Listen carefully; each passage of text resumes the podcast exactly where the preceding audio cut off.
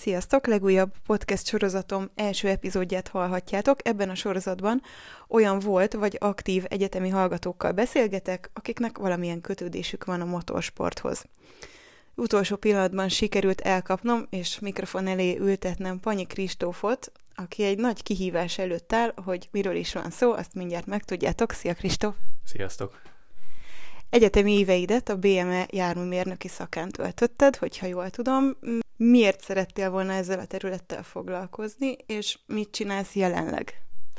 Hát maga az ötlet az elég régről származik. Már nagyjából középsulis koromban tudtam azt, hogy, hogy ez az én utam, járművérnök szeretnék lenni szemben mondjuk nagyon sok akkori osztálytársammal, akik küzdöttek azzal, hogy éppen hogy is vegyék majd az élet következő akadályát.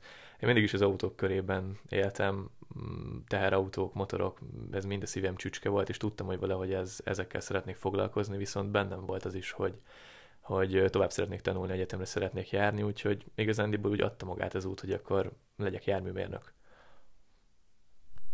És hogyha jól tudom, akkor ez meg is maradt, jelenleg ebben dolgozol, mivel foglalkoztok pontosan? Igen, ez így van. Jelenleg egy német multinál dolgozok, és vezetéstámogató rendszerekkel foglalkozok. Jelenleg elsősorban az automata vész, vészfék asszisztens rendszerrel. Ez egy nagyon érdekes témakör egyébként, erre majd egy picit később visszatérünk. Na de hogy miért is vagy itt pontosan? Hát az, a, az oka ennek az, hogy kettő nap múlva, pénteken, délben, hogyha jól tudom, te indulsz a Budapest Bamako rallin, és nem is autóval, hanem motorral. Um, mi volt a motivációd, hogy egy ilyen horderejű eseményen vegyél részt, és hogy jött egyáltalán az ötlet, hogy nem négy keréken, hanem két keréken támadod ezt a versenyt? Így van, igen, két nap múlva kezdődik, és valóban motorral fogok rajta részt venni. Hát, hogy mikor kezdődik igazándiból, most évre pontosan neked nem tudom megmondani, de ez is még középsulis időszakomban kezdődött. Ádám barátommal akkor nagyon-nagyon rákaptunk a Bamakóra, hát ezért ez nem most volt, úgyhogy akkoriban még ez egy gyerekcipőben járt a Bamakó, maximum egy-két ö, ilyen futam mehetett le, amit, amit láttunk annól, és néztük a tévébe, és odáig voltunk tőle meg vissza, hogy ez mekkora kaland. És az elején még terepjáróval terveztük, mert tizennéhány évesen nem, motorozt, nem motorozott meg egyikünk se, viszont aztán becsoppant az életembe 16 évesen a motorozás, az övébe is egy jó pár évvel később, és így az évek során ez megmaradt igazán bennünk ez a szándék, csak ahogy a motorozás bejött az életünkbe, és ez átvette a, a, a fő járműves vonalunkat, így, így átalakult a terv is ebbe az irányba. Aztán, amikor egyetemisták voltunk, akkor egy picit azért a háttérbe, háttérbe szorult ez az egész kaland, mert mindenki inkább azzal foglalkozott, és miután elkezdtünk dolgozni, és egy kicsit, kicsit ö, több időnk volt már utána minden mással foglalkozni, akkor újra ö, aktívan jött a gondolat, és hát ez most már három évvel ezelőtt, így mindenféle csúszások meg minden miatt, több mint három évvel ezelőtt jött újra, és, és akkor, akkor került fel az asztalra ténylegesen. Mi volt az a pillanat, amikor konkrétan eldöntöttétek, hogy indulni fogtok a versenyen? Mikor volt az, amikor tényleg nyilvánvalóvá vált, hogy ez több, mint egy kósza gondolat, vagy egy ilyen kis gyerekkori álom, amikor így azt mondtátok, hogy jó, akkor töltsük ki a nevezést? Hát igazándiból ez az a pillanat, amit most az előbb említettem neked, hogy éppen melyik beszélgetésből indult meg az, hogy na, akkor, akkor most nézzük meg, hogy most hogy áll a történet, vagy mi van, ezt most nem tudom neked visszaidézni, viszont ez, ez akkor, akkor kicsit több mint három évvel ezelőtt került ennyire, kb. egyik pillanatra a másikra fikcióból valóságá, mert nagyon keveset gondolkoztunk azon, amikor, amikor legutóbb feljött, hogy, hogy most belefussunk, nekivágjunk 22-be vagy 24-be, igazániból az volt a nagyobb kérdés, hogy, hogy fel tudunk-e készülni két év alatt a, a következő futamra, vagy, vagy négy évre lenne rá szükségünk. És végül úgy döntöttünk, hogy akkor a 2022-esen indulunk, úgyhogy ott nagyon rövid idő alatt vált igazándiból egy gyerekkori álomból egy, egy tényleges cél, céllá, ha mondhatom így. Igen, ugye azt tudjuk, hogy a járványhelyzet miatt többször is el lett halasztva, ugye a pontos ö, indulási dátumotok. Ez most végre fix, holnap után. Um, nem inoktál, inoktatok meg egyszer sem így a várakozás alatt, hogy biztos vagyok én ebben, hogy ezt így bevállaljuk? Vagy, vagy lehet, hogy a, lehet, hogy a sors akarja így, hogy megint eltolódik, megint eltolódik. Volt ilyen? Hát nézzük úgy először, hogy két évente rendezik a Bamakót. Tehát eleve, hogyha te eldöntöd azt, hogy, hogy menni akarsz, akkor két évet kell úgy, úgymond várnod arra, hogy részt vehessél ezen az egész futamon. És igen, emiatt ezek miatt a csúszások miatt ez nekünk több volt. Eredetileg ugye januárban indul ez a verseny, az idei év lett volna az első olyan, hogy januárban és márciusban is megrendezik, mert akkora volt az érdeklődésre.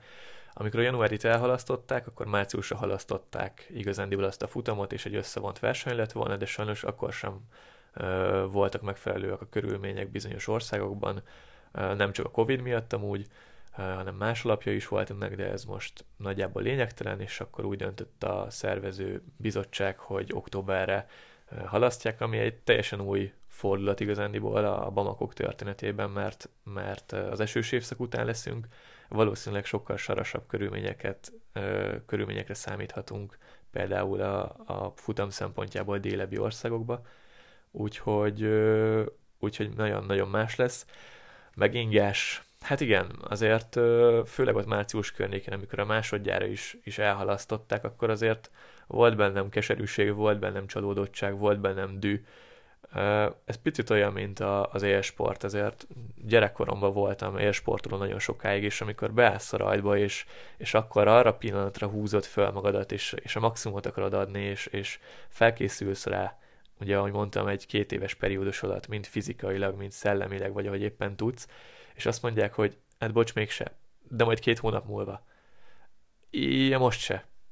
Hát majd egy olyan nyolc hónap múlva, vagy hét, vagy nem emlékszem, hogy hogy adja ki most a számok, hét hónap, igen, talán. Borzasztóan rossz. Nagyon-nagyon-nagyon-nagyon-nagyon-nagyon rossz élmény volt akkor, és nagyon nehezen léptem akkor túl rajta, és bennem volt ez, hogy na, akkor én csinálok magamnak egy saját bamakót, amit, amit össze tudok hozni, vagy Ádámmal össze tudunk hozni, és, és egy ideig el is kezdtem ezen gondolkozni ténylegesen, és egy picit elkezdtük szervezgetni magunknak, de aztán rájöttem arra, amikor így, így tényleg végig gondoltam ezt, hogy én most mit akarok Afrikába menni, egy kicsit motorozgatni, vagy a Budapest Bamakót megcsinálni, és, és az volt az a pillanat, amikor rádöbentem arra, hogy nem, én a Budapest Bamakót akarom megcsinálni. Legyen ez, amikor legyen, vagy következik, amikor következik. Ez... Igen, akkor felkészülési időtök tehát volt bőven, és nyilván laikusnak is egyértelmű, hogy egy ilyen verseny az egy nagyon nagy kihívás, és borzasztó komoly felkészültség kell. Milyen felkészülés előzte meg, vagy inkább úgy kérdezem, hogy milyen hosszú, mik voltak a szükséges előkészületek? Nyilván rengeteg, tehát erről egy külön podcastot lehetne nyitni, csak így dióhéjban. Hát dióhéjben, mondjuk vegyük úgy, hogy van a motoros meg a motor. A motorosként elsősorban azért a fizikai felkészülés az, ami, ami fontos ebben, a, ebben az egészben nagyon sok ezer kilométer az, amit ott le kell motorozni, nagyon változatos körülmények között, hol melegben, ha este kell menni, amit mondjuk nem annyira ajánlanak, de akkor már hidegebben, főleg terepen motorozunk, ugye, vagy, vagy terepközeli ö, körülmények között motorozunk, ami nagyon sok energiát kivesz azért az emberből, tehát egy, egy megalapozott fizikai, jól megalapozott fizikai felkészültség nélkül azért motorosként ez, ez elég bátor vállalás lenne. Felkészültség, edzőterem, motorozás, nem tudom, kiártok crossozgatni, vagy pontosan ez így miből tevődött össze? Amúgy nagyjából igen azokból, amiket most így felsoroltál ötletképpen. Nyilván a konditermi edzés az, az nagyon fontos. Én dolgoztam ez alatt az idő alatt két szakemberrel is, az egyikükkel kifejezetten ők konzultáció, tehát ők egymással kapcsolatban voltak és, és egymás munkáját segítették. Volt egy kifejezett erőléti edzés, és volt egy olyan, amivel inkább specifikusan azokra az izomcsoportokra edzettünk, amik sokkal jobban megviselődnek, és sokkal jobb igénybevételnek vannak kitéve így a, a mindennapi terepmotorozás közben, plusz egyfajta uh, izületi, izomzati felkészítés volt még nyújtásokkal, speciális nyújtásokkal, meg, meg ilyen jellegű tornákkal uh, így a testemre. Uh, és igen, mondjuk a technikai része is, is uh, fontos volt egyfelől én jár, jártam el néhány alkalommal kifejezetten crossmotorral, vagy enduróval, éppen amivel sikerült, amit éppen sikerült szereznem egy, egy barátom révén, és vele rendesen crosspályán motoroztam, hogy picit azt a, azt a durvább körülményeket, azokat a durvább körülményeket is megtapasztaljam.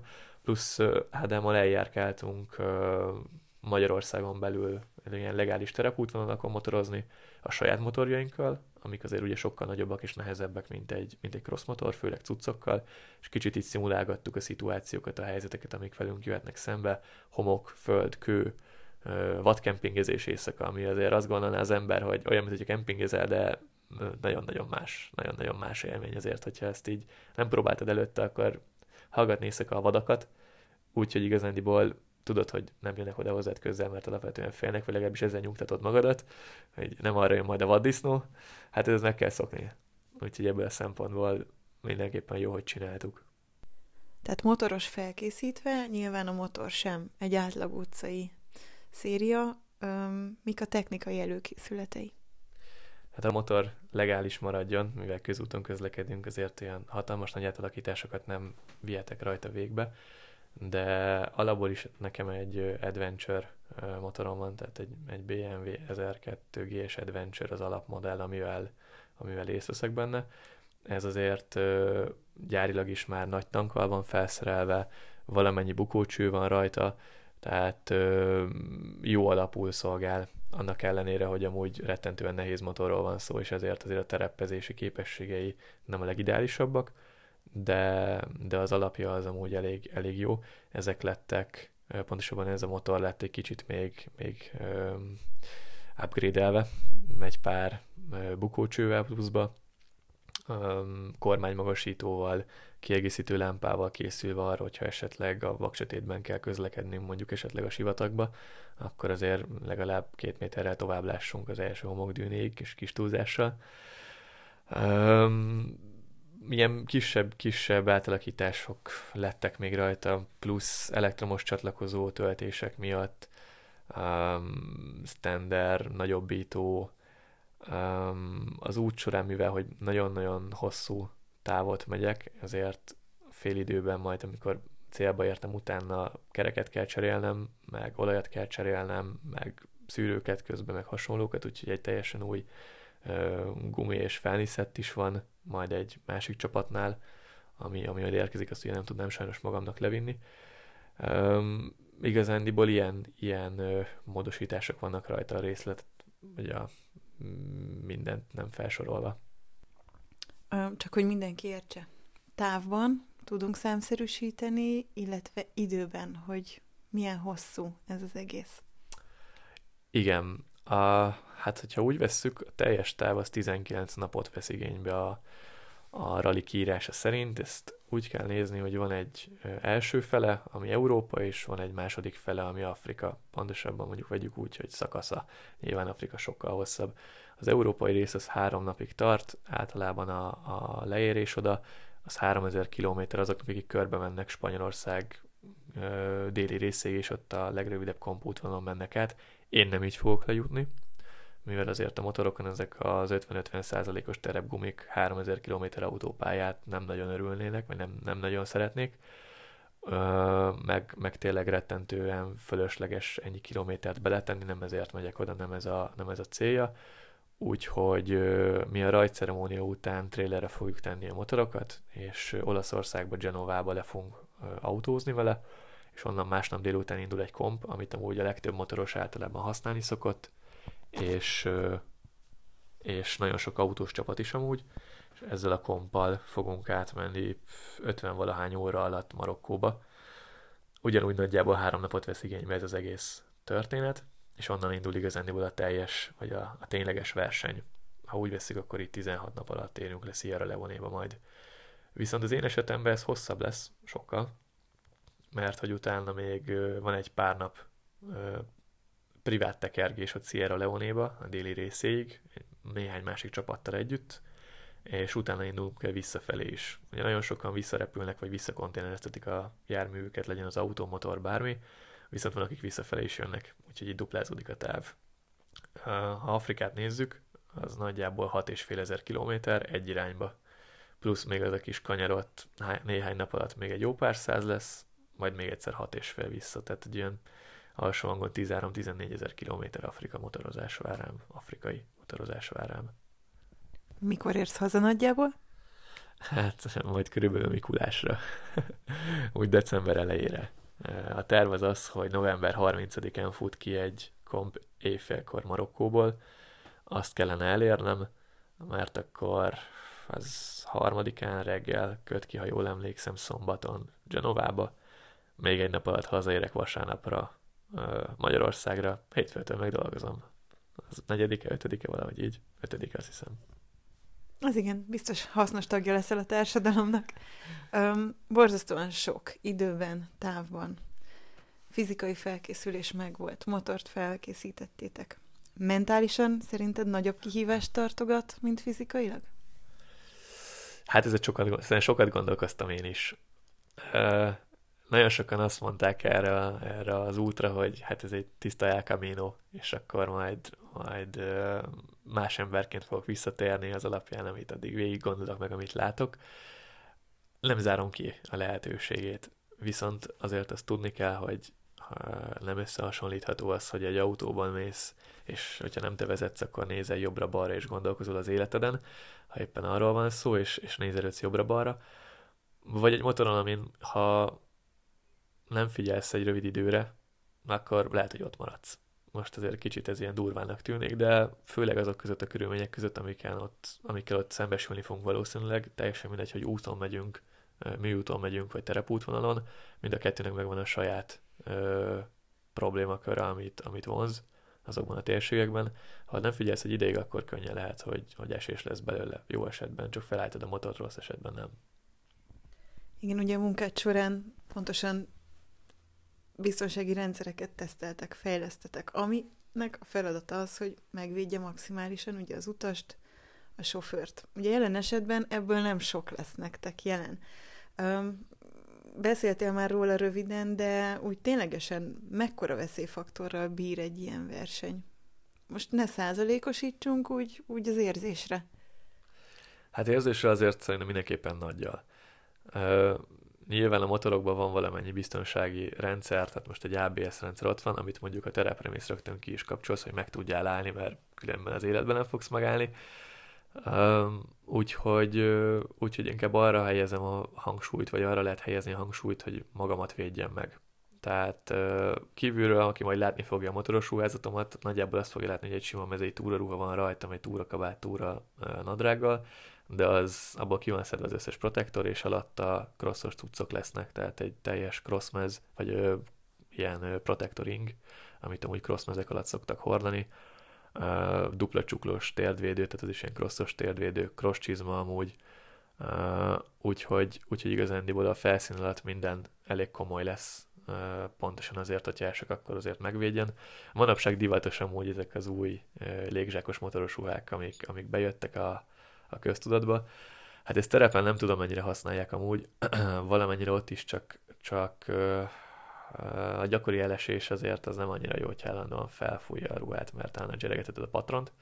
Nem tervezek mondjuk gyakran elesni, de, de azért benne van mondjuk a homokba az, hogy 10 méterenként esetleg elesel, főleg ekkor a motorral agyik pakolva. Szóval az annyira nem éri meg. Uh, hát igen, máshogy kell, másmilyen szemléletbe kell majd közlekedni ott, és megpróbálni megelőzni ezt az egészet, de ahogy mondod, itt nem, nem sok minden fog védeni. Mi történik veled, amennyiben megsérülsz? Hát az nyilván függ attól, hogy mennyire komoly a sérülés. Uh, igazándiból alá kellett írnunk egy papírt arról, hogy elfogadjuk azt, hogy nagyjából minden problémát magunknak kell megoldanunk. És uh, ebben benne van az is, hogyha mondjuk kisebb sérülést szenvedsz. Nyilván, hogyha ha olyan súlyos sérülésed van, ami, amit mondjuk nem tudom, nem tudsz felkelni az útról, akkor értesítetted a szervezőket, és valószínűleg segíteni fognak. Kíséri a mezőnyt mentőautó amúgy, ami, hogyha mögötted van, az nagyon-nagyon nagy jóság, meg ha éppen nem a dzsungel, dzsungel tehát mondjuk a homok kerős közepén vagy, ahova mondjuk egy mentőautó nem tud bejönni, uh, akkor, akkor pekhed van, akkor a helyekre kell hagyatkoznod, de ha mondjuk előtted van a mentőautó, 300 km biztos, hogy nem fognak visszajönni érted, vagy 400-at, mert mindenkinek az, az egy mentőautója van, és, és nem fognak érteni, érted, érted jönni vissza. Uh, hogy őszinte legyek, nem tudom. Ha, ha ilyen szituáció áll majd fönt, vagy következik majd be, akkor, akkor majd ott kitaláljuk, hogy hogy oldjuk meg a problémát. Ezt úgy otthon is mondtad? Egyébként család hogy viszonyult ehhez az ötlethez? Hát nyilván nem mondok ilyeneket otthon. Tehát a, a fú, hogy is szokott ez lenni a, a tagadás, vagy egy, egy, ilyen, egy ilyen problémakörnél, pedig, pedig nagyon a nyelvem hegyén volt régebben, csak már régen mondtam ezt a példát, hogy a, a dű, a tagadás és a segítség, vagy nem is tudom, így vannak a lépések az egészben, hogy hogy amikor ezt bejelentettem, hogy, hogy megyek a Bamakóra, akkor, akkor hülyének néztek úgy konkrétan, majd utána azt gondolták, hogy jó, ez úgysem fog megtörténni, majd eltelt x hónap, és, és beadtam a, a papírokat, és mindent is hivatalossá vált, és kifizettem a nevezésemnek az akkor szükséges részét, Uh, és akkor nem értették, hogy ezt miért csinálom, és próbáltak még akkor is lebeszélni róla, hogy, hogy de ezt ne csináld, mert, mert csak a vesztedbe rohansz, meg, meg hasonlók aztán, aztán próbáltak, hogy nem tudomást venni róla, most de ez attól függ, hogy melyik részét nézem éppen a családomnak, és utána rájöttek, hogy, hogy igazániból akkor teszik a legtöbbet, akkor ér, érik el a leg, legtöbbet számomra, és akkor tudnak a legjobban megvédeni azoktól a dolgoktól, amiket rám várnak, ha segítenek felkészülni. Hogy ez abban rejlik, hogy, hogy mondjuk kaptam születésnapomra például, ha jól emlékszem, terepmotoros vezetéstechnikai képzést, vagy, vagy a ruházatoknál próbáltak segíteni választani, vagy, vagy terelgetni arra, hogyha gondolkoztam, hogy jó, hát most ezt vegyem el meg magamnak, vagy nem, már hogy mondjuk egy hatalmas kupac pénzbe kerül, és itt azért minden sokba kerül ebben az egész történetben, főleg motorosként, akkor, akkor ezt most vegyem, ne vegyem, de vedd meg, mert lehet, hogy azt fog megmenteni, ha éppen arra van szó. Szóval Uh, ilyen jellegűen, vagy akár csak felszerelés tekintetében, ami kemping, vagy, vagy sátrozás, vagy, vagy bármi hasonló technikai, technikai öltözetek terében. Uh, mindegyikük abban próbált segíteni, és, és a segítségemre lenni, ami, ami hozzá legközelebb állt. Szuper, akkor végül is még kifejlett az lett, hogy támogatnak. Így van. És majd tűkön ülve kísérik figyelemmel az utadat. Hát mit kell ilyenkor mondani? Sok szerencsét nem kívánunk, azt hiszem de egy kalappal, ügyesen, óvatosan se. Köszönöm szépen.